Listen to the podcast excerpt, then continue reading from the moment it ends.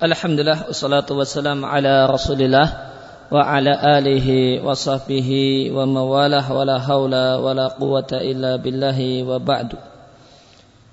Kaum muslimin dan muslimah Jamaah Masjid Al-Hidayah rahimani wa rahimakumullah kembali kita lanjutkan beramal soleh dalam bentuk mengkaji hadis-hadis Nabi Shallallahu Alaihi Wasallam yang terkumpul dalam Riyadus Solihin min kalami Sayyidil Mursalin buah karya Abu Zakaria Yahya ibn Syarab An Nawawi Ad-Dimashqi Asy-Syafi'i rahimallahu taala. Hadis berikutnya hadis yang ke-39 dari sahabat Abu Hurairah radhiallahu anhu Rasulullah sallallahu alaihi wasallam bersabda, "Ma yurid ma yuridillahu bi khairan yusib minhu." Siapa saja yang Allah kehendaki untuk mendapatkan kebaikan, maka Allah akan memberikan musibah padanya. Ya, berkaitan dengan redaksi hadis ini, ya, maka boleh dibaca dengan dua bacaan bisa dibaca dengan uh, yusab minhu dan bisa juga dibaca yusib minhu. Dua-duanya benar uh, dengan sedikit perbedaan arti. Jika dibaca yusib minhu maka maknanya siapa yang Allah kehendaki untuk mendapatkan kebaikan maka Allah akan takdirkan untuknya berbagai musibah yang dia mendapatkan ujian dengannya Allah ingin mengujinya apakah dia bersabar ataukah dia orang yang berkeluh kesah ketika mendapatkan musibah. Namun jika dibaca yusab minhu maka artinya lebih luas lagi. Maka siapa yang Allah inginkan untuk mendapatkan kebaikan maka dia akan diberi musibah, diberi masalah, ya, boleh, dat, boleh jadi datang dari Allah Subhanahu wa taala atau melalui tangan manusia atau sesama makhluk.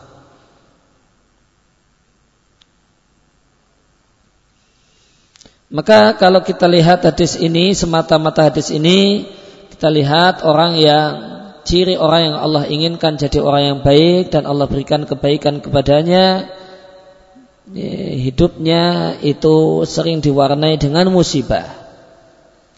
Namun berdasarkan hadis-hadis yang lain, makna yang terkandung dalam hadis ini perlu kita batasi.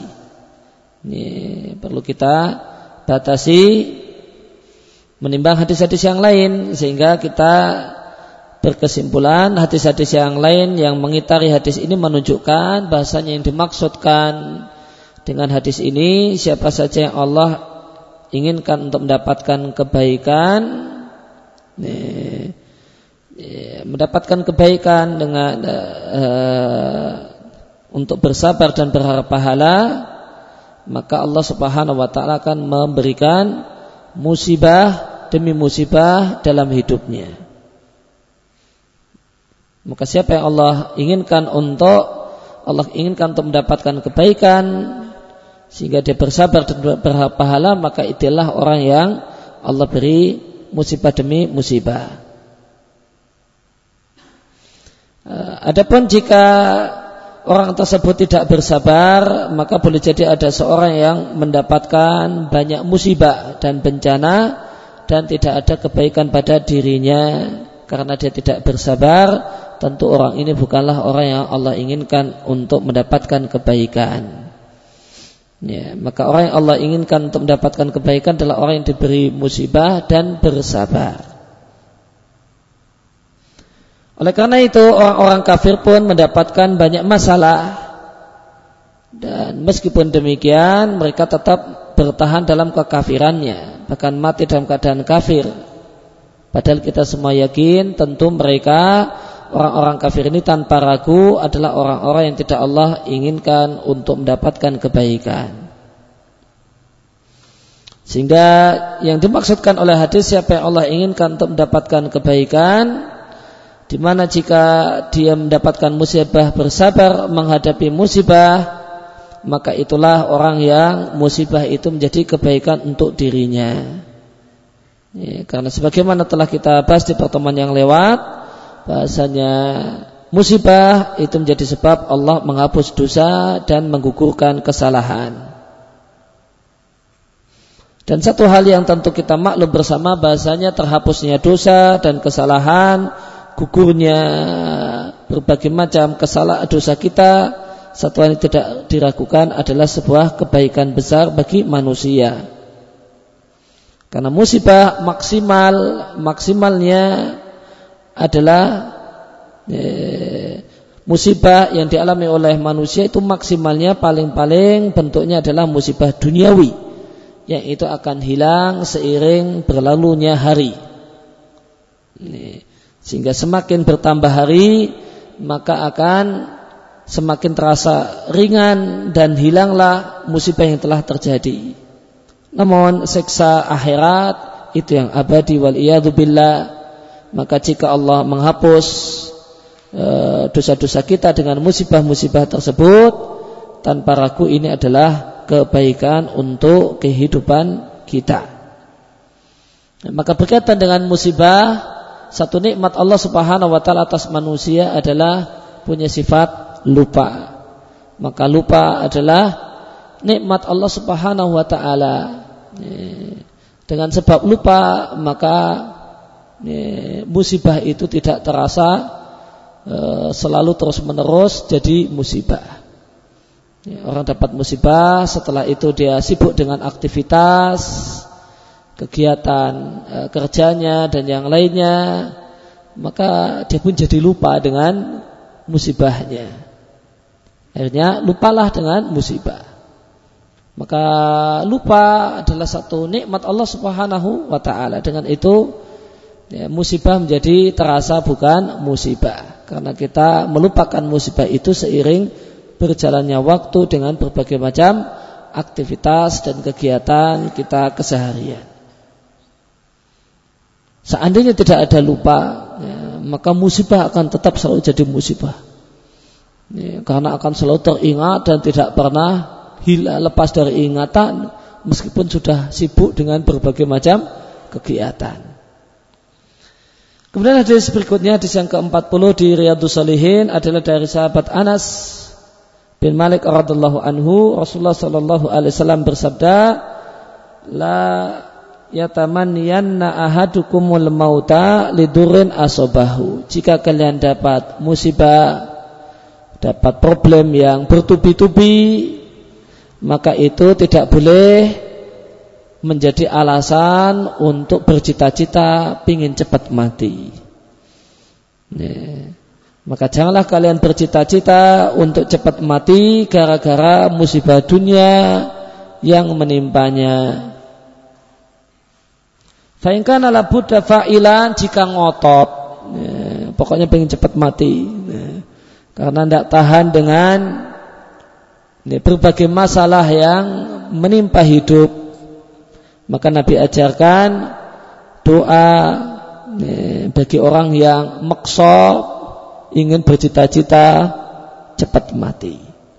Falyakul maka hendaknya doanya itu doa yang ya, bersyarat dan tidak ya, doa atau permohonan cepat mati dalam bentuk dengan kalimat yang tegas. Namun Ucapkanlah Allah ma'ahyini maka natil hayatu khairan li. Ya Allah berilah aku umur panjang. Jika umur panjanglah itulah yang terbaik untuk diriku. Wa tawafani in kanatil wafatu khairan li. Ya Allah segerakanlah aku mati. Jika cepat mati itu memang yang lebih baik untuk hidupku. Ya, maka bersyarat. Tidak, ya Allah, aku ingin cepat mati. Mati kalau aku secepatnya. Tidak, demikian. Namun bersyarat ya Allah jika engkau yang engkau lah yang lebih tahu manakah yang terbaik maka yang terbaik untuk kutu mati maka cepatkanlah aku untuk mati jika tambah umur itu lebih baik untukku kesempatan untuk bisa bertobat beramal soleh itu lebih besar maka berilah aku umur panjang maka dalam hadis ini Nabi Shallallahu Alaihi Wasallam melarang seorang untuk berangan-angan mati gara-gara eh, derita dunia yang terjadi pada dirinya. Hal itu dikarenakan terkadang manusia itu mendapatkan musibah yang dia tidak mampu untuk memikulnya. Wayat'ab dan dia merasa capek untuk memikulnya, akhirnya berangan-angan untuk mati. Akhirnya keluar ucapan, Ya Allah, segeralah matikanlah diriku. Boleh jadi ucapan dan angan-angan untuk mati ini bisa jadi sampai terucap dengan lisan ataukah terlintas dalam pikiran atau bahkan jadi niat di dalam hati. Maka Nabi Shallallahu Alaihi Wasallam melarang dua-duanya niatan ingin cepat mati atau bahkan sampai terucap melalui lisan. Maka Nabi katakan janganlah salah satu kalian berangan-angan untuk mati gara-gara kesusahan dunia yang terjadi pada dirinya. Karena boleh jadi kesusahan dunia itulah yang lebih baik untuknya. Namun tidaklah ketika kita ditimpa kesusahan yang datang silih berganti, maka tidaklah e, ucapan doa yang kita panjatkan pada Allah, ya Allah bantulah aku untuk bisa bersabar menghadapinya. Jika demikian maka Allah akan membantu kita sehingga kita bisa bersabar dan itulah yang lebih baik. Adapun bercita-cita untuk cepat mati maka kita tidak tahu boleh jadi mati itu ternyata bencana. Ya, ternyata keburukan. Ternyata setelah mati tidak mendapatkan istirahat. Ya, ya, ternyata ya, setelah mati itu bukannya istirahat malah digebuki malaikat ya, malah dipukuli malaikat karena matinya dengan cara bunuh diri satu keluarga negak racun semua ya. nah, maka ya, setelah mati tidak istirahat karena dosa besar ya, bunuh diri dosa besar maka dikira setelah mati itu bisa leha-leha santai-santai istirahat nggak perlu lagi mikirkan utang dan bangkrutnya usaha Padahal malah digebuki, dipukuli malaikat. Ya. Laisa mautin rohah. Maka tidak semua kematian itu adalah istirahat dan leha-leha. Sebagaimana di di sini ada kutipan satu syair, laisa man mata fastaraha bimaitin innamal maitu ya, maitul ahya'i. Bukanlah orang yang mati dan setelah mati dia beristirahat, itulah orang mati sesungguhnya. Namun orang yang mati sesungguhnya adalah orang yang masih hidup namun tergolong mati. Nah, itulah orang yang mati sesungguhnya. Dia masih hidup badannya namun sudah mati hatinya. Itulah mati yang sesungguhnya. Adapun matinya seorang mukmin ya, yang dia istirahat setelah mati, maka hakikatnya adalah istirahat dan bukan kematian. Maka boleh jadi seorang itu meninggal dunia setelah meninggal dunia dia mendapatkan hukuman Allah wal billah. Mendapatkan siksa kubur. Yang padahal seandainya dia masih hidup di dunia boleh jadi ya staktif dia bisa mencela dirinya. Ya dan berangkat dari mencela dan menyalahkan diri maka orang itu akan bertobat. Ya, awal dari orang itu bertobat ya statif. Dia mencela dia sendiri. Kenapa kok saya melakukan hal itu? Kenapa kok sampai tergoda? Kenapa sampai terjumus? Kok bisa-bisanya? Bukankah itu memalukan dan seterusnya? Maka ada dialog antara seseorang dengan dirinya sendiri yang isi dialog itu mencela diri sendiri. Itu langkah awal orang untuk bertobat.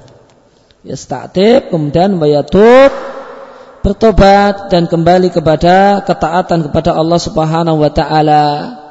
Dan itu tentu satu hal yang lebih baik.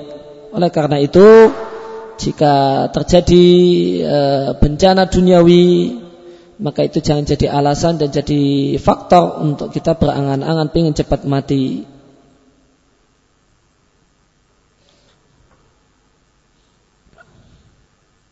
Maka jika Rasul SAW melarang seorang untuk bercita-cita mati gara-gara musibah dunia yang menimpa dirinya, ya, bercita-cita saja terlarang. Bagaimanakah dengan orang yang bunuh diri gara-gara uh, bencana dan masalah menimpa dirinya?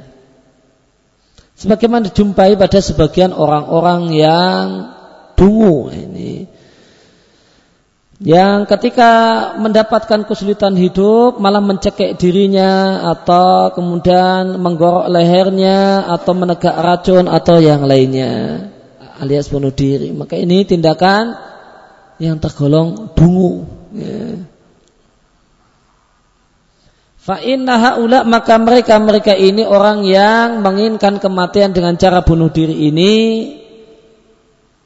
itu berpindah dari siksaan yaitu problem dunia ila asyadda minhu kepada e, bencana yang lebih susah lagi. Maka setelah mati orang yang bunuh diri itu tidak beristirahat. Walakin wa bila akan tapi kita mohon pada Allah mereka itu berpindah dari siksaan dunia yaitu bencana dunia menuju siksaan yang lebih ya, lebih keras dan lebih hebat lagi.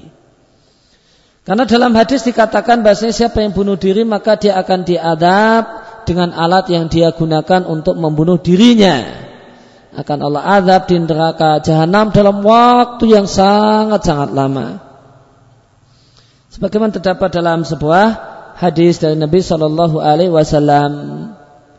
Maka jika seorang itu bunuh diri dengan menggunakan hadidah, dengan uh, ya, dengan besi, dengan sesuatu, dengan alat yang terbuat dari besi, boleh jadi khonjar, boleh jadi golok besar, atau pisau, atau paku, atau yang lainnya. Maka pada hari kiamat, ya, maka pada hari kiamat dia akan di neraka dan dia akan tusuk-tusuk dirinya dengan ya, senjata tajam dari besi yang dia gunakan untuk bunuh dirinya tadi maka goloknya itu akan Allah abadikan.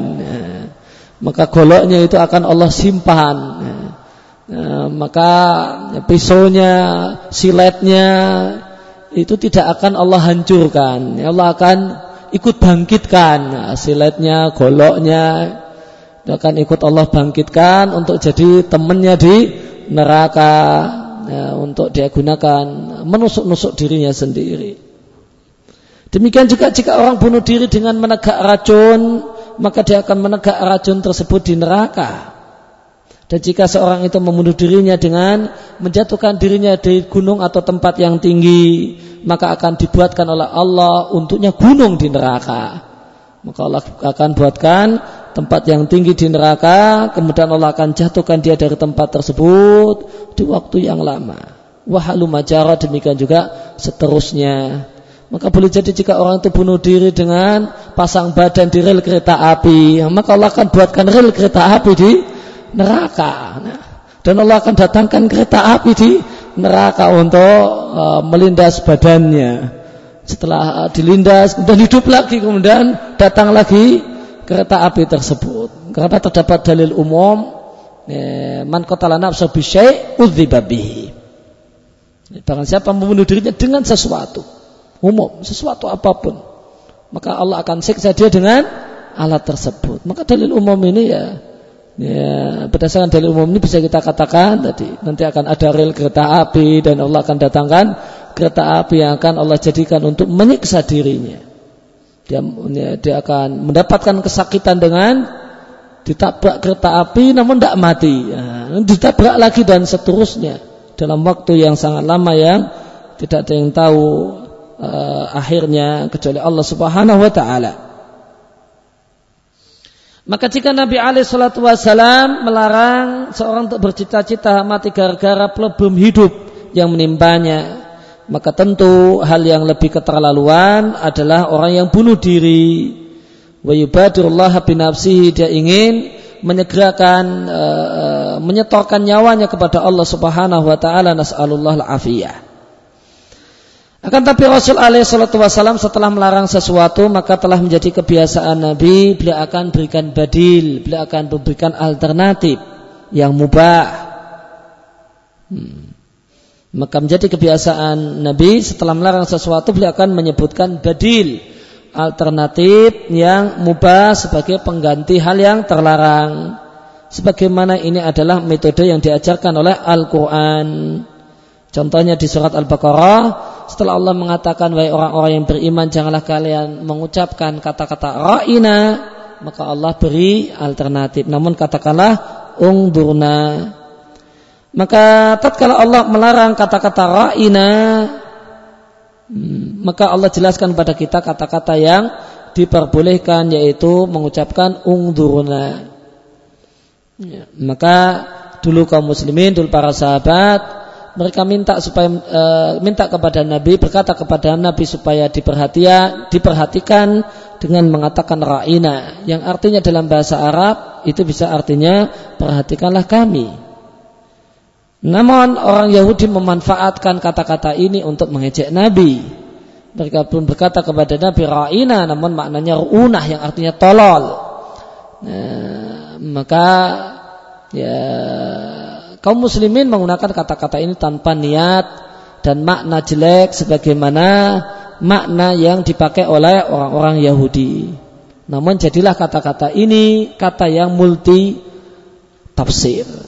Bisa bermakna jelek dan bisa bermakna baik. Maka Allah perintahkan kita untuk meninggalkannya dan Allah ajari kita kata-kata yang lain yang tidak multi tafsir yaitu ungzurna perhatikanlah kami wahai nabi tolong perhatikan kami yang ini kata-kata yang tidak multi tafsir ya, sehingga ya, itulah yang lebih baik untuk diucapkan.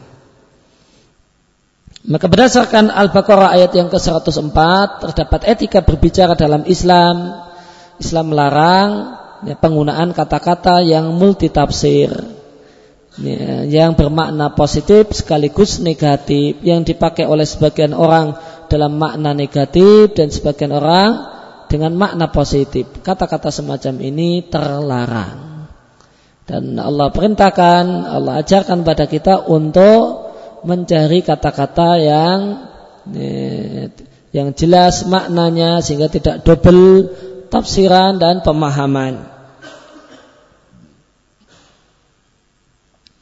Dan tatkala didatangkan kepada Nabi Shallallahu Alaihi Wasallam satu tumpuk kurma yang baik, Nabi e, menganggapnya satu hal yang aneh dan e, mengatakan apa ini? Apakah semua tan, e, kurma Khaybar semacam ini? Sahabat mengatakan tidak. Demi Allah wahai Rasulullah, namun kami membarter satu sok korma yang baik ini kami barter dengan dua sok korma yang jelek. Dua sok korma yang bagus kami barter dengan tiga sok dan seterusnya. Maka Rasulullah Shallallahu Alaihi Wasallam melarang kemudian memberikan alternatif. Allah kata, eh, Nabi katakan jangan lakukan. Namun bi al jam'ah namun jualah al jam'ah korma yang jelek bidarahim sehingga engkau dapat uang. Setelah dapat uang, gunakan uang tersebut untuk membeli e, janiban atau ya, kurma yang bagus. Janiban artinya tamron tayiban kurma yang kualitasnya bagus. Maka dalam hadis ini setelah Nabi melarang sesuatu, Nabi jelaskan solusi dan alternatif yang mubah hukumnya. Ya. Maka di antara hal yang terlarang adalah barter untuk benda-benda tertentu yang disebut dengan benda ribawi. Contohnya kalau di tempat kita beras, maka beras yang jelek ya, tiga 3 kilo dibarter dengan beras yang bagus 1 kilo hukumnya haram. Hukumnya riba, riba dalam barter. Nah setelah Nabi melarang hal semacam ini, Nabi ngasih solusi. Caranya jangan dibarter langsung. Ya, beras yang jelek tadi ya, jual sehingga dapat uang. Uangnya kemudian baru beli digunakan untuk beli ya, beras yang bagus. Namun kalau langsung ya, 3 kilo beras yang jelek dibarter dengan 1 kilo beras yang bagus, kualitasnya bagus, maka ini terlarang. Itu termasuk riba dalam barter, riba dalam tukar menukar. Maka ya, yang diajarkan oleh Allah dan Rasulnya kita dituntunkan untuk kita para dai dituntunkan untuk ketika kita melarang maka kita memberikan alternatif yang lain yang mubah jika memang ada. Ya, kalau tidak ada ya ya gimana lagi? Ya. Maka solusinya adalah bertakwa kepada Allah Subhanahu wa taala dengan meninggalkannya maka dengan keyakinan jika siapa yang meninggalkan sesuatu karena Allah maka Allah pasti akan beri yang ganti yang lebih baik. Nah, maka demikian juga di sini ketika Nabi melarang berharap dan bercita-cita untuk ingin cepat mati, Nabi kasih solusi. Jika ngotot, ingin cepat mati ya tidak apa-apa, nah, namun ya, berdoalah dengan cara yang benar, yaitu doa yang Nabi tuntunkan. Maka Nabi berikan di sini pintu solusi. Namun itu adalah pintu solusi yang baik. Jika seorang itu bercita-cita atau berangan-angan untuk mati, maka itu menunjukkan seorang itu belajar seorang itu dengan e, jengkel dengan aturan Allah dan tidak bersabar dengan ketetapan Allah. Akan tapi kalau doa yang Nabi ajarkan, Ya Allah berilah aku umur yang panjang jika itu lebih baik untukku Dan cepatkanlah aku mati jika itu yang lebih baik untukku Maka dalam doa ini seorang itu menyerahkan status dirinya cepat mati ataukah berumur panjang kepada Allah Subhanahu wa taala karena manusia tidak mengetahui hal yang gaib. Maka adalah dia pasrahkan dirinya kepada yang mengetahui hal yang gaib, yang mengetahui masa depan yaitu Allah Azza wa Jalla.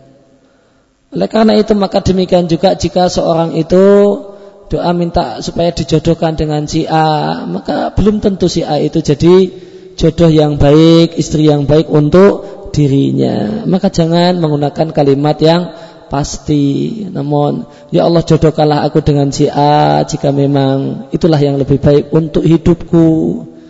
Dan jauhkanlah aku dari si A jika memang ternyata dekat-dekat dengan si A dan menjadi suami dari si A itu akan jadi bencana untuk hidupku karena kita tidak tahu hal yang gaib apakah setelah uh, hidup bersama dengan si dia itu hidup kita akan jadi lebih baik ataukah malah jadi lebih rusak maka pasrahkanlah kepada Allah Subhanahu wa taala dengan menggunakan kalimat ya, sejenis yang Nabi ajarkan dalam doa ini. Ketika seorang itu berangan-angan untuk mati, maka itu adalah bentuk tergesa-gesa. Dia tergesa-gesa, ingin supaya Allah segera mengakhiri hidupnya. Dan ya, boleh jadi padahal jika ya, hidupnya itu berakhir, maka akan hilang darinya kebaikan yang banyak. Maka boleh jadi hilang darinya kesempatan untuk bertobat dan kesempatan untuk menambah amal soleh. Oleh karena itu maka dalam hadis disebutkan bahasanya setiap orang yang mati itu menyesal. Tidak ada orang yang mati yang tidak menyesal. Mamin mayitin yamutu illa nadima. Tidak ada satupun orang yang mati kecuali menyesal. Orang yang soleh itu menyesal. Apalagi yang brengsek dalam hidupnya. Yang isinya, isi hidupnya ketika hidup saja isinya kebaikan, amal soleh. Setelah mati itu menyesal. Kenapa dulu baiknya kok tidak lebih baik? Ya. Kenapa dulu sedekahnya kok enggak lebih banyak? Ya. Kenapa dulu kok cuma sedekahnya 100 ribu pada 200 ribu bisa? Itu besok disesali. Ya, besok disesali. Kenapa dulu kok rajin pengajiannya cuma seminggu sekali padahal bisa seminggu dua kali? Itu disesali. Ya, dulu kemudian ya, ya yang dulu kemudian kenapa saya datang pengajian tapi malah malah ngantuk dan tidur kenapa nggak melek? Itu disesali. Itu disesali apalagi yang nggak ngaji. Ya. yang ngaji kemudian ngantuk ya. mah tidur di pengajian ya. nah, itu disesali. Oh kenapa? Kok nggak melek? Sehingga ganjarannya lebih besar. Nah, sekarang baru sadar. Besarnya pahala amal soleh ketika itu. Jadi sesali kenapa saya tidak bisa meraih ganjaran yang lebih besar lagi. Maka disebutkan maka Nabi katakan uh, maka disebutkan dalam satu hadis yang sanatnya bermasalah namun maknanya benar tidak ada satupun orang yang meninggal dunia kecuali dia akan menyesal ya, menyesali perbuatannya kehidupan hidup Fa'in kana muhsinan nadima alla yakuna isdada. Jika dia dulu adalah orang yang soleh, maka setelah mati dia menyesal kenapa dia tidak tambah soleh. Ya. Ya, jika dulu dia rajin sholat berjamaah ke masjid namun masbuk, itu menyesal. Kenapa dulu kok rajin masbuk? Ya. Kenapa kok dulu rajin masbuk? Kenapa dulu enggak kemudian malah jadi muadzinnya saja sehingga enggak pernah masbuk? Maka disesali. Itu yang yang mengisi hidupnya dengan amal soleh. Gimana dengan yang mengisi hidupnya dengan tidak karuan? Kayak apa penyesalannya? Kemudian Mbak Ingkana musian, maka jika dulu di dunia adalah orang yang mengisi hidupnya dengan keburukan, maka dia tentu menyesal. Alaikuna ista'adaba. Kenapa dia dulu tidak bertobat? Kenapa? Dulu dia tidak bertobat, kemudian jadi orang yang baik, maka disesali.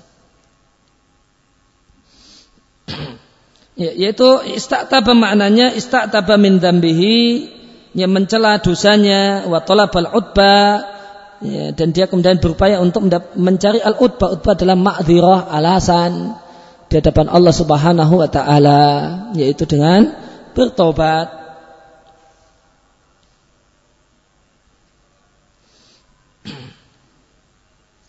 Kemudian jika ada yang bertanya kenapa Nabi mengajari kita dengan doa yang tidak tegas? Jika hidup lebih baik maka beri aku umur lebih panjang.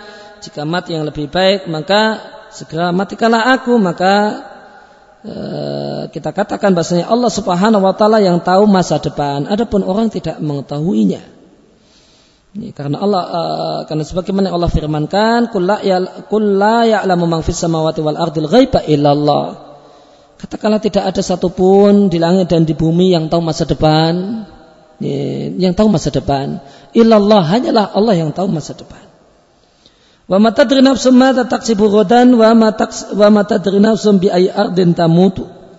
Dan tidak ada satupun jiwa yang tahu apa yang akan dia lakukan esok hari dan tidak ada satupun jiwa yang tahu di bumi manakah dia akan meninggal dunia.